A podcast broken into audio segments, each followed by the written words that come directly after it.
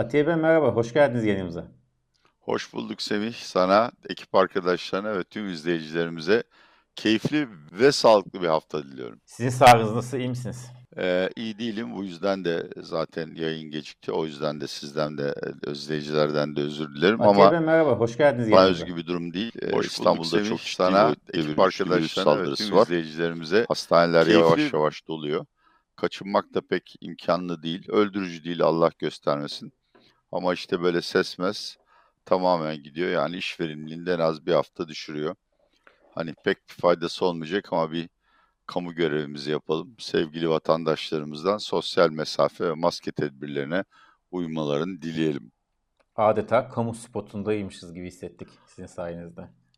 Sevgili reisime zamanımız feda olsun. Onun için ne yapsak değer. Evet abi, gerçekten elinizden gelen her şeyi yapıyorsunuz. Çok teşekkür ediyoruz kendi adına. Bugün e, sabah saat, pazartesi günü sabah saatlerinde e, önce İş Bankası e, Genel Müdürü Dünya e, Nasıl bir Ekonomi sitesinde ve arkasından da Denizbank Genel Müdürü e, bu politika eleştiren bir açıklamalar yaptı ikisi de. Hatta e, Denizbank Genel Müdürü Hakan Ateş şey dedi, e, ortodoks politika geri dönülmeli dedi. İş Bankası Genel Müdürü Aran ise e, bunun ülkeye faydası olduğunu düşünmüyorum dedi.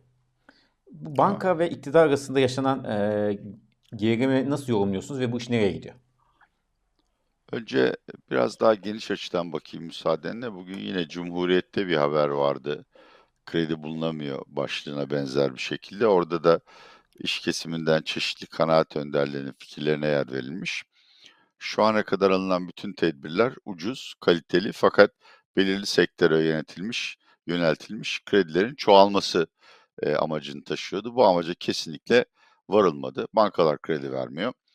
Özel sektör de TCM ve BDDK'nın kredi almak için e, ortaya koyduğu çok zorlu ve bence saçma koşulları yerine getirmiyor. Dolayısıyla yalnız e, bankacılık camiası değil genelde iş kesimiyle hükümet arasında e, ciddi bir gerginlik yaşanıyor. Ve bu e, EYT'nin nasıl çözüleceğine bağlı olarak çok da artabilir. Çünkü her ne kadar kıdem tazminatı aslında bir muhasebe kaydı değil, her şirketin nakit rezervinde bulunması gereken bir meblağsa da tabii bu Türkiye'den bahsediyoruz. Şakayı ben de güldüm. Böyle bir şey yok. Dolayısıyla bu sorunun halledilme tarzına göre emekli olacakların kıdem tazminatının ödenmesi özellikle kredi bulmanın bu kadar güç olduğu bir ortamda özel sektör iyice zorlayacak. E, sonucu da basit yani. E, onu ödeyecekler, istihdam azaltacaklar, üretimi azaltacaklar. Şimdi burada e, şunu söyleyelim her şeyden önce. Genelde dünyanın hiçbir yerinde iş dünyası hükümetle kavgalı görünmek istemez. Dolayısıyla biraz nazik tonda da olsa gittikçe sayısı artan bu itiraz seslerinin yükselmesi hükümetin ekonomik politikalarının artık özel sektör tarafından taşınmasının imkanı olmadığını gösteriyor. Tekim çok tecrübeli bir uluslararası yatırımcı geçen hafta İstanbul ve Ankara'yı dolaştı. İsmini vermeyeyim ama herhalde kim olduğunu tahmin ediyorsunuz. Türkiye'de en çok konuşulan e, uluslararası uzmandır kendisi. E, bir yemek yeme fırsatı bulduk ama zaten kendisi seyahat notlarında yazdı. 20 yıldır Türkiye'ye gelip gidiyorum. Her seferinde iş dünyası şartlar ne kadar zor olursa olsun geleceğe umutla bakar. İşte yükselen Türkiye hikayesi anlatırdı.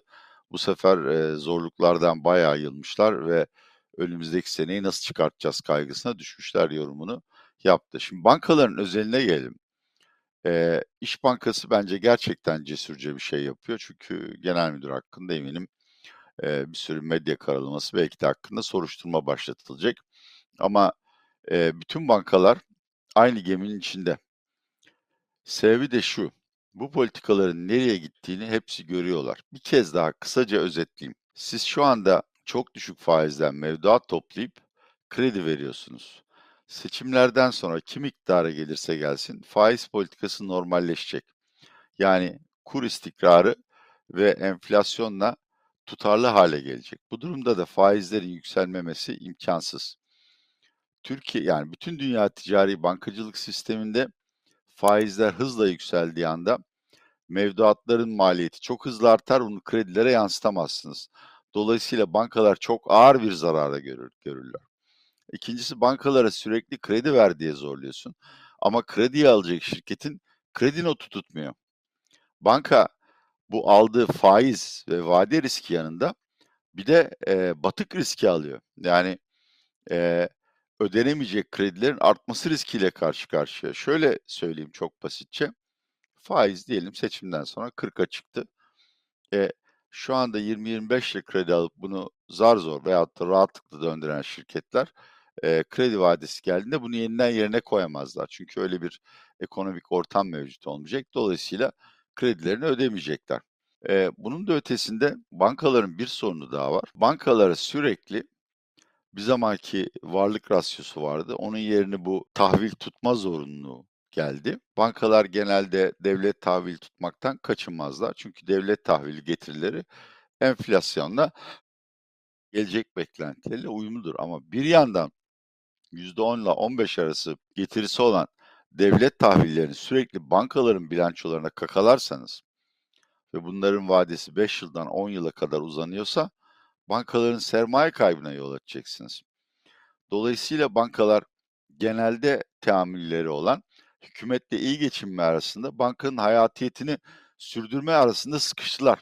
Ve böyle devam ederse iki şey olacak. Bir, bankalar toplu halde isyan edecekler e, ve kurallara uymayı reddedecekler. İkincisi, kurallara uyuyormuş gibi yapıp, sanırım Kerim Rota da bunu söylediği yayınınızda, kredi vermemek için binbir dereden su getirecekler. Bu da ekonomide gittikçe derinleşen bir durgunluk ve istihdam kaybına sebebiyet verecek. Evet Atilla Bey, bu dediklerinizin hepsi doğru gerçekten. Ama şöyle bir şey var. Şimdi doğrusu bunu birçok programda söylüyoruz ama sürekli sormamız gerekiyor. Çünkü bunu izleyeceğimiz çok diye getiriyor. Bunu söylediğiniz bankalar son bir ayda %17, son 6 ayda da %200'e, 2,5 katı. Banka ha. endeksinin yükselişi bu. %17 son bir ay, son 6 ayda 2,5 kat, %200'e. Bunu nasıl ha. oluyor? Şimdi burada iki ayrı soru var aslında. Bir bankalar fahiş karlar elde ediyorlar kağıt üstünde. Bir de bankacılık endeksinin e, diğer borsa alt endekslerini aşan ve hakikaten de pek akla mantığa sığmayan performansı var. İlki bankalar kar etmiyorlar. Enflasyon ortamında bütün şirketler karlı gözüküyor. Çünkü sürekli yani enflasyon kadar fiyatınızı arttırsanız kar gösteriyorsunuz. Bu karları enflasyona göre ya muhasebesine göre yeniden ayarlarsak e, büyük ölçüde belki de %70-80 azalacağını hatta bazı bankaların sermaye kaybına gittiğini göreceğiz. Dolayısıyla bankalar şu anda karlı bir yatırım değil. Banka endeksi niye bu kadar yükseliyor? Önce bir örnek vereyim. Geçen sene bu zamanlarda FANG adı verdiğimiz yeni teknoloji hisseleri değerlemelerle veya gelecek beklentileriyle hiçbir bağlantısı kalmadan atmosfere sıçramıştı. Çünkü insanlar çok umutluydu onların daha fazla para kazanacağından. Yine bir örnek kripto. E, kriptoda da Bitcoin'in zirvesi 60-66 bin doların civarındaydı. Bugün 16-17 bin dolar civarındaydı. Dolayısıyla e, yatırımcının hisselere diştiği, biçtiği değerle gerçeklerle bağdaşan değerler birbirine çoğu zaman uyumsuzluk gösteriyor. Bankacılık sektöründe de ben böyle bir durumun söz konusu olduğunu düşünüyorum. E, yabancı yatırımcının olmadığı yerde artık bütün tahtalarda spekülasyon ve manipülasyon yapılabiliyor. Bu arada altını çizeyim. Spekülasyon ne ahlaka aykırıdır ne de Batı dünyasında kanunlara aykırıdır. Zaten borsa bir spekülasyondur. Yani gelecek hakkındaki görüşünüzü bir hisse senedi alıp satarak ifade edersiniz. Buna spekülasyon derim. Manipülasyon yani işte yanlış haber yayarak bir takım sendikasyonlar kurarak hisse senetlerinin fiyatlarını suni olarak artırıp indirmek kanuna ve ahlaka aykırıdır. Bunlardan hangisi ben bankalarda oluyor bilmiyorum ama size şu kadarını söyleyebiliyorum. Karları ne olursa olsun geçmişte defalarca gördüğümüz gibi bu tip çok abartılı yükselişler her zaman bir süre sonra bir çöküşe ve küçük yatırımcıların çok büyük para kaybına neden oluyor. Yaz aylarında mıydı? Yine borsa çöktü. 4-5 tane göğe haylaz manipülasyon yapmış. Yok, bir, bir ay saray... önce. Bir ay, bir ay önce miydi? Evet. evet. E, yine aynı şey olacak. E, dolayısıyla bunun kesinlikle yani ben olsam ben yüzde iki yüz mü dedim? Ya %200 değeri artan her şeyi satarım. Buna evim de dahil, arabam da dahil yani. Ondan sonra kenara çekilir beklerim. Gerçekten öyle. Çok hızlı değer artışı. Herkes dikkatli olmaya çağırıyorum. Herkes kendi e, durumuna göre, kendi finansal riskine göre kendi yatırımını yapsın tabii ki. Şimdi buradan sizi biraz geçmişe götüreceğiz. Hem bugün hem geçmişe konuşacağız. Neden? Çünkü şundan. E, bundan birkaç ay önce 50 milyar dolar para bulsa, kaynak bulsa seçim kazanabilir mi diye size sormuştuk Cumhurbaşkanı Erdoğan. 50 milyar henüz olmadı ama çok yaklaştı. Şu an için kabaca işte Rusya, Suudi Arabistan artı Katar'a da gelecek parayı koyarsak yaklaşık 30-35 hatta 40 milyar dolar. Tabii ki hepsi swap değil, mevduat swap karışık. Bir kaynak bulundu. Ee, biz önce sizin ne dediğinizi hatırlayalım. Sonra da e, bugünü konuşalım. Tabii ki.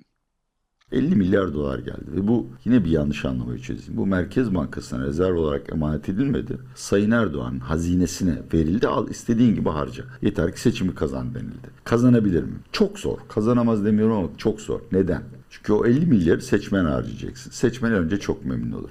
Enflasyon 200'e çıkar. Arkasından da cari açıklar karşılanmaz hale gelir. Dolar yeniden değer kazanmaya çalışır. Hiçbir şekilde bu dışarıdan gelecek paralarla filan seçim ya bugün de kazanılamaz. Sonbaharda da kazanılamaz. Gelecek sene hiç kazanılamaz. Evet Atilla Bey böyle dediniz.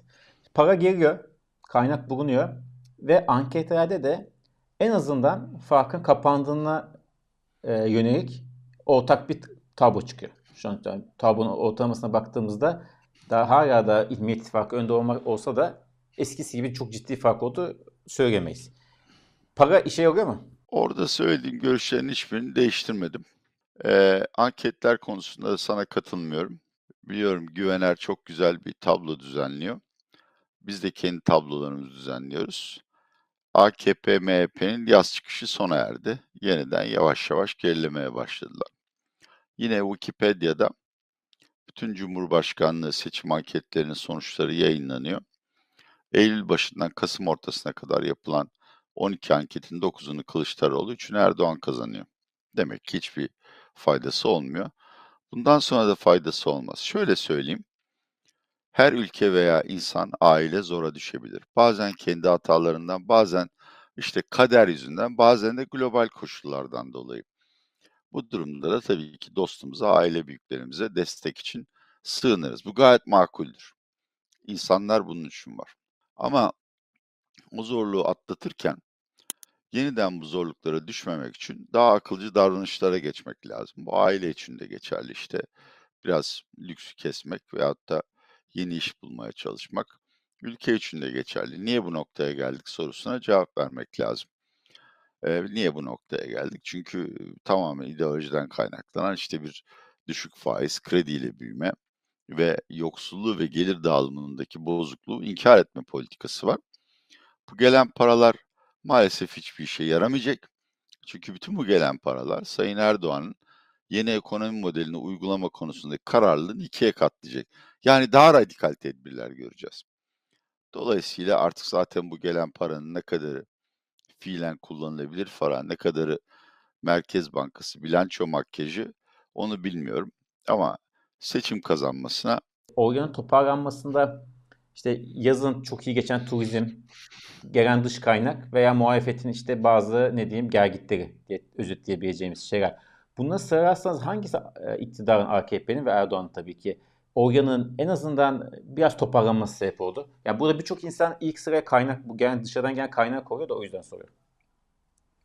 Ben onun hiçbir etkisi olduğunu düşünmüyorum. Çok samimiyetle söylemek gerekirse yani o dışarıdan gelen kaynak sadece döviz kurunu bütün ekonomiyi mahveden suni olarak düşük bir düzeyde tutmakta kullanıldı. Seçmenin ben bundan etkilendiğine dair bir kanıt göremedim.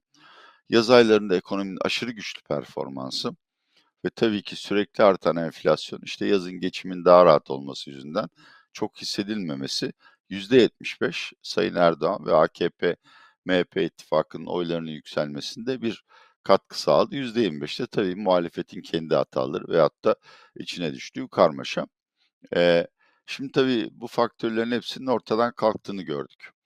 Ee, ekonomide ciddi bir istihdam daralması var. Enflasyonun hane halkını ne kadar kastığını intihar noktasına getirdiğinde yavaş yavaş elektrik, doğalgaz faturaları geldiğinde görüyoruz. Zaten gıda erişilmez hale geldi. Muhalefet de yani altılı masada 6 aydır her gün dağılıyordu. Olmadı. Bugün bir anayasa taslağı açıkladılar. Bence gayet şu andakine göre fevkalade olumlu. Bundan sonra da eminim şöyle veya Cumhurbaşkanlığında uzlaşacaklar. Ocak ayından itibaren de bireysel ve ortak mitinglerle uygulayacakları politikaları halka sunmaya başlayacaklar. Bütün bu söylediklerimde Sayın Erdoğan ve AKP MHP ittifakının önümüzdeki aylarda sürekli olarak ay kaybetmesiyle e, tutarlı bir tezdir. Ben şahsen Ocak'ta yeniden Erdoğan ve AKP MHP'nin yükselişe geçmesini bekliyordum. E, onun da sebebi şuydu. Ağanın eli tutulmaz e, şeklinde para da gelmiş dışarıdan. Yani vatandaşa yığacaktınız parayı işte. Yüzde yüz şey maaşı artışı, asgari ücret artışı, e, bedava kredi vesaire. Anladığım kadarıyla ki bu konuda da hükümeti suçlamıyorum. Türkiye'nin geleceği konusunda doğru adım atıyorlar. Sayın Bakan'ın açıklamalarına göre e, asgari ücret zammı tatmin edici olmayabilir. EYT'de şöyle bir ikilemle karşı karşıyalar. Ya EYT mağdurlarının bütün talepleri yerine getirilecek, bu iş dünyasına akıl almaz bir yük getirecek ve oradan kazanılan oylar kısa zamanda tabii ki yani iş dünyası da oy veriyor. Bunlar KOBİ çoğu. Kaybedilen istihdamla bertaraf edilecek. Yok eğer işte Sayın e, Bakanımızın ismini hatırlayamıyorum. Bilgin galiba Çalışma Bakanımız. Evet evet Vedat Bilgin. Söylediği evet söylediği gibi iş dünyasının ödeyebileceği ve asgari ücret zammından filan bahsediyorlarsa bunların seçmende hiçbir etkisi olmaz. Çünkü seçmenin yani işçinin beklentisi yüzde yüzlere varan noktalara erişmiş durumda. Siz Evet, yüzde da- kırkla filan. Evet, Evet, o da pardon. beklenti çok yükseldi. Estağfurullah. O da beklenti çok E, yükseldi. işte işte sorun orada zaten. Yani çok erken bu yaz aylarında belki biraz oylarına destek oldu AKP, MHP'nin ama çok erken seçim harcamaları ve vaatlerine başladılar. Barutlarını kuru tutmaları gerekirdi. Şu anda yılbaşında yapılacak olan iyileştirmelerin seçmenin beklentileriyle karşılaştırıldığında hayal kırıklığı yaratması ihtimali var. Dolayısıyla ben artık Ocak'ta da pek öyle AKP, MHP oylarının pek yükseleceğini düşünmüyorum. Evet, çok teşekkür ederiz. Zaten e, bu süreç yaşayan bir süreç, devam eden. Her geçen gün değişiyor tablo. E, onları takip ediyor olacağız. Şimdi burada artık sonuna yaklaşık Atika Bey biraz yönümüzü e, yurt dışına, Türkiye dışına mi? çevirmek istiyorum. E, çok önemli gelişmeler oluyor. Önce Çin ve İran temelinde bir soru sormak istiyorum. Zaten İran'da bir sürede devam eden e, protestolara hepimiz şahidiz. Bu sefer e, daha uzun, daha şiddetli, daha yoğun devam ediyor ve maalesef kötü haberler de geliyor tabii ki. Bir de bunu ek olarak Çin'de Covid kısıtlama sebebi sıfır e, Covid e, tedbiri sebebiyle insanlar isyan etti ve sokaklara çıktı. Ki Çin'de, İran'da arada sırada gördük ama Çin, yani Çin'de hiç bu tip sokak protestolarına şahit olmadık. En azından ben hatırlamıyorum. E, ne diyorsunuz bu ülke, bu iki ülkenin sokaklarının karışmasının hem siyasi hem de ekonomik etkilerini? Yani her şeyden önce demokrasinin öldüğünü, otokrasi veya karizmatik liderlerin dünyayı yönettiği bir geleceğe yöneldiğimizi düşünenler bir kez daha düşünen, düşünsünler. Bütün bunlar demokrasi eksikliğinden kaynaklanıyor. Şimdi hem Çin hem İran açısından önümüzdeki 15 günün bir kader anı, sırat köprüsü olduğunu düşünüyorum. Her iki ülkede de eğer çok tabii acı bunları söylemek ama aşırı şiddet kullanarak gösteriler bastırılırsa e, sorun ekonomik ve sosyal olarak kangren haline gelir ama dış dünyaya pek yansımaz. Ve kısa vadede de piyasalarda, dünyada bunu unutur. Yok bunu beceremezlerse o zaman kalıcı karmaşa dönemine giriyoruz.